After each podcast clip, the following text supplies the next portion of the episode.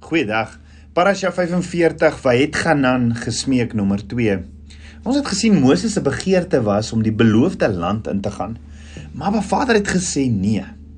Dawid se se begeerte was dat hy die een sou wees wat 'n tempel vir Abba Vader sou bou en die antwoord was ook nee. En die vraag is waarom gee Abba Vader soms 'n nee vir antwoord op 'n gebed? Abba Vader doen dit omdat vir hom om die gebed van een persoon te beantwoord kan dikwels tot gevolg hê dat 'n ander persoon of selfs 'n gemeenskap kan verander. Sy wil is nie net sy toevallige voorkeur nie, dit is sy strategie vir die bevordering van sy koninkryk. Wat ons sê altyd verstaan nie is die ripple effek wat sommige goed het wat ons vir Abba Vader vra.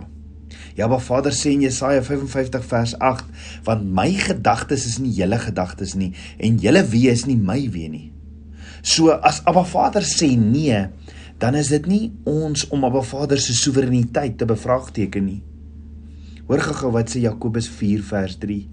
Julle bid en julle ontvang nie omdat julle verkeerd bid om dit in julle welliste deur te bring. So Jakobus sê nie ons bid verkeerd omdat ons verkeerd verkeerde hoë woorde gebruik nie. Nee, Jakobus sê julle bid verkeerd omdat julle uit julle selfsugtige behoeftes uitbid. Met ander woorde, ek en jy bid en dan kom ons met 'n lysie van alles wat Abba Vader vir ons moet doen of wat ons nodig het. En dis net die heeltyd. Ek, ek, ek.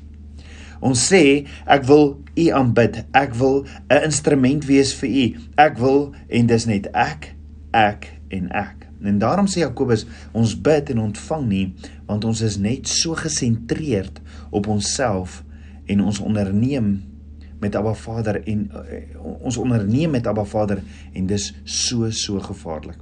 Nou Moses se gebed was persoonlik in hierdie week se gedeelte in hierdie week se parasha. En dit was nie soos Yeshua Abba Vader Moses se gebed was persoonlik en dit was nie soos Yeshua Abba Vader gevra het, maar nogtans nie my wil nie, maar net U wil, Vader nie. En die vraag is, is myn jou gebede persoonlik of is dit om die koninkryk van Abba Vader te bevorder? Bid en ontvang ons nie omdat ons gebede self dalk selfgesentreerd dalk is? Is myn jou gebede in ooreenstemming met Abba Vader se groot plan van die verlossing van die mensdom en die herstel en die herbou van die skepping? Let wel as Abba Vader sê nee, is daar goeie rede en vorm dit nie deel van sy ewigheidsplan nie. Nee, dan is die gebede 'n hinkering van die vlees of die verlange van die hart of die narcistiese aspirasie van hul eie ego en nie Abba Vader se wil nie. Met ander woorde, as gebede gebid word uit eie belang, is die gebede van negatiewe aard. Nou en Abba Vader se besluit dat Moses nie die beloofde land moet ingaan nie, het Abba Vader baie goed geweet wie gaan die kinders van Israel die beloofde land inlei. Abba Vader het geweet hy gaan Moses oorsien, pas oor, want hy het van die grondlegging van die aarde af iemand anders in gedagte gehad vir hierdie groot taak. En Abba Vader weet die beste. Dieselfde in Dawid se geval. Abba Vader het iemand anders in die oog gehad vir die oprig van 'n tempel tot sy heerlikheid. So, weet jy waarom het Abba Vader Joshua bo Moses verkies om die kinders van Israel die beloofde land in te lei? Die woord sê vir ons, dit was nie omdat Abba Vader Moses gestraf het nie, maar omdat daar iemand anders was wie se voorrang om daardie kritieke taak te verrig op kort en lang termyn baie beter vir ons was. Ja, maar Vader het in sy alwetendheid bepaal dat die een wat ons na die beloofde land sou lei, Joshua moet wees. Die prototipe van Yeshua ons Messias. Soos vir Moses is Abba Vader se besluit ook vir vir ons 'n kritieke uitdaging van Imuna. Kan ons of sal ons aanvaar as die skepper van hemel van die hemel en aarde sê nee? Sonder om bitter te word teenoor hom, sonder om jaloers te word teenoor ander, sonder dat Abba Vader se soewereiniteit vir ons onaanvaarbaar word. Jy sien in plaas daarvan dat ons weet en besef diep in ons harte dat Abba Vader altyd beter weet, wyser en meer langtermyn oplossings in gedagte het, kom ons partykeer in opstand met Abba Vader se weë. Kan Moses en kan ons aanvaar dat Abba Vader beter weet as as ons wat goed en reg en die beste is vir ons en vir ander is? Hy weet mos wat is beter vir ons. Vertrou ons regtig op Abba Vader. Aanvaar ons Abba Vader as God, die pottebakker en ons net as die klei? Of bestaan ons geloofswandel daaruit dat ons wil hê dat die Skepper van die heelal vir ons 'n 'n 'n Vader moet wees of 'n uh, 'n private genie in 'n bottel karakter wie se uitsluitlike doel is om al ons selfsugtige wense en begeertes te vervul. So was een van die redes hoekom was een van die redes hoekom Moses se versoek geweier was omdat hy nie geloof gehad het nie. Ja, dit was. Maar ek glo ook Moses het dieselfde geloof gehad op daardie oomblik as die geloof van Abba Vader toe hy voor Farao gaan staan het. Dis dieselfde geloof wat Moses gehad het toe hy voor die Rietsee gestaan het en verklaar het: "Staan op en aanskou die verlossing, Yeshua van Jahweh jou God." Moses het nie 'n tantrum gegooi of ges, gesalk omdat hy oorgesien is nie. Hy het hy het die besluit van Abba Vader aanvaar dat hy Joshua, dat Abba Vader Joshua gekies het om die profetiese optog die beloofde land in te lei. Hy het nie afgunstig geword of Joshua kwaad aangedoen of slegs van hom gepraat nie. Hy het vertrou dat Abba Vader geweet het wat die beste vir die kinders van Israel is. En so het hy voortgegaan en al sy energie en passie aangewend om om tot vervulling te bring dit waarvoor hy geroep is, naamlik om die stem te word van die een wat in die woestyn uitroep, berei die weg van Abba Vader. En die vraag is, sal ek en jy soos Moses dit aanvaar? As Abba Vader iemand anders vra om iets te doen wat jou hart so graag begeer om te doen? As ons jaloers word en is dis dis vir ons onaanvaarbaar, dan verklaar ons mos eintlik Abba Vader se soewereiniteit is vir ons onaanvaarbaar. Hæ? Huh? Hoe is Abba Vader se soewereiniteit vir ons onaanvaarbaar?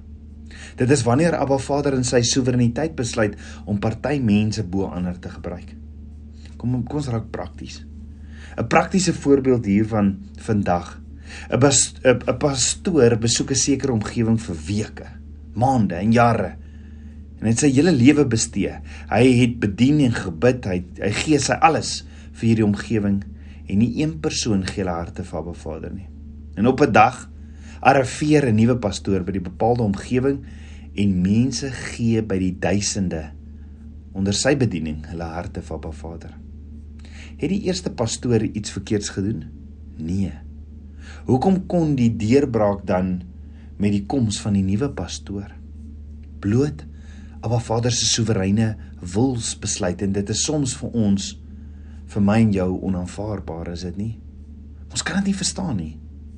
Dan in uh, in die gelykenis in Matteus 20 vertel Yeshua het die grondeienaar werkers gehuur vroeg die oggend 6uur om op sy wingerd te gaan werk en nadat hy met die werkers of arbeiders ooreengekom het vir 'n penning op die dag op 'n dag stuur hy hulle in sy wingerd in.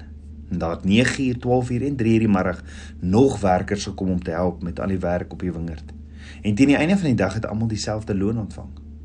En die werkers wat toe eers gehuur was, het begin kla want vir hulle was dit onaanvaarbaar en die grondeienaar sê vir een van hulle in Matteus 20 vers 13 tot 15: "Vriend, ek doen jou Ekskuus tog, ek doen jou geen onreg aan nie. Het jy nie met my ooreengekom vir penning nie? Neem dan wat joune is en gaan heen. Ek wil aan hierdie laaste een gee, net soos aan jou. Of staan dit my nie vry om met my eie goed te maak wat ek wil nie?" Of is jou oog verkeerd omdat ek goed is? En nou, Vader, vra ook vir my en jou die vraag: Is jy jaloers en afgunstig omdat ek goed is? En die logika is vas. Die pastoor wat vir so lank bedien het, gaan nie uitmis op sy beloning nie. Dit is net dat baie van sy beloning is vir ewig en nie tydelik nie. Hy sal krediet vir elke enkele dingetjie wat hy gedoen het in die hemel ontvang. Al die spitwerk wat hy gedoen het, sal tot sy krediet wees. Hy het die weg vir ander gebaan. En Abba Vader is nie noodwendig gebonde om ons te vereer gedurende ons leeftyd op die manier wat ek en jy verwag nie. Nee, Abba Vader sê eenvoudig dat hy soms vrygewig wil wees. En in sy soewereiniteit het hy besluit dat hy Joshua die beloofde land laat inlei. Jy sien, Abba Vader is soewerein en kan doen wat hy wil met sy salwing. Abba Vader kan enige iemand bevorder vir wie hy wil. Het die pottebakker nodig om aan die klei te verduidelik? En intedeel, wie is die klei om die potterbakker te bevraagteken? En Abba Vader vra vir my en jou ook vandag, is dit vir jou onaanvaarbaar en as jy jaloers omdat ek sal wie ek wil sal vir iets spesifiek of omdat ek vrygewig is? Is tragies dat die antwoord soms ja is. Die soewereiniteit van Abba Vader om mense in plek te sal stel sommige te verhef en ander nie ander nie te doen nie is is 'n algemene oorsaak van jaloesie. En die vraag is, gaan ons hom toelaat of gaan ons ons fokus op ons pottebakkerig? So dink daaroor.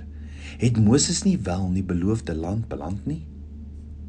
In Matteus word in hoofstuk 17 beskryf hoe Alhoewel Moses miskien nooit die land van Israel gedurende sy lewe aangeraak het nie, het hy na sy dood die voorreg gekry om met Yeshua in die skitterende glorie te kan praat. Onthou Petrus sê vir Yeshua in Matteus 7 vers 4: Here, dit is goed dat ons hier is. As U wil laat ons hier 3 hitte maak, vir U een, vir Moses een en vir Elia een. En daar's baie mense wat sê Moses het nooit die beloofde land ingegaan nie weens sy ongeloof, maar danksy Matteus weet ons beter, nie waar nie? Ons weet dat die getroue getuienis Moses gesien het. Dat dat Petrus die getroue uh, die getuienis Moses gesien het met wat met Yeshua praat. So Tabernakels kind van Abba moet nooit die getrouheid van Abba Vader bevraagteken nie. Miskien is die antwoorde van Abba Vader regtig beter as enige iets wat ons kan dink om te bid. En miskien is dit vandag dalk nodig om ons bitterheid by Abba Vader se voete neer te gaan lê en te sê Abba, ek is jammer. U is die skepper. Ek is net die klei. U is die pottebakker. Ek is net die klei. Kom ons bid saam. Abba Vader, skepper van my hart. Abba, ek loof en ek prys U want my hart klop net vir U. Vader, was my van enige selfgesentreerde gebede en hierdie eie wil Vader net U wil. Was my met die waterbad van U woord en kom leef in my. Meer en meer van U. Ek bid dit alles in Yeshua, Hamasieg se naam, die seun van Jahweh. Amen. שלום.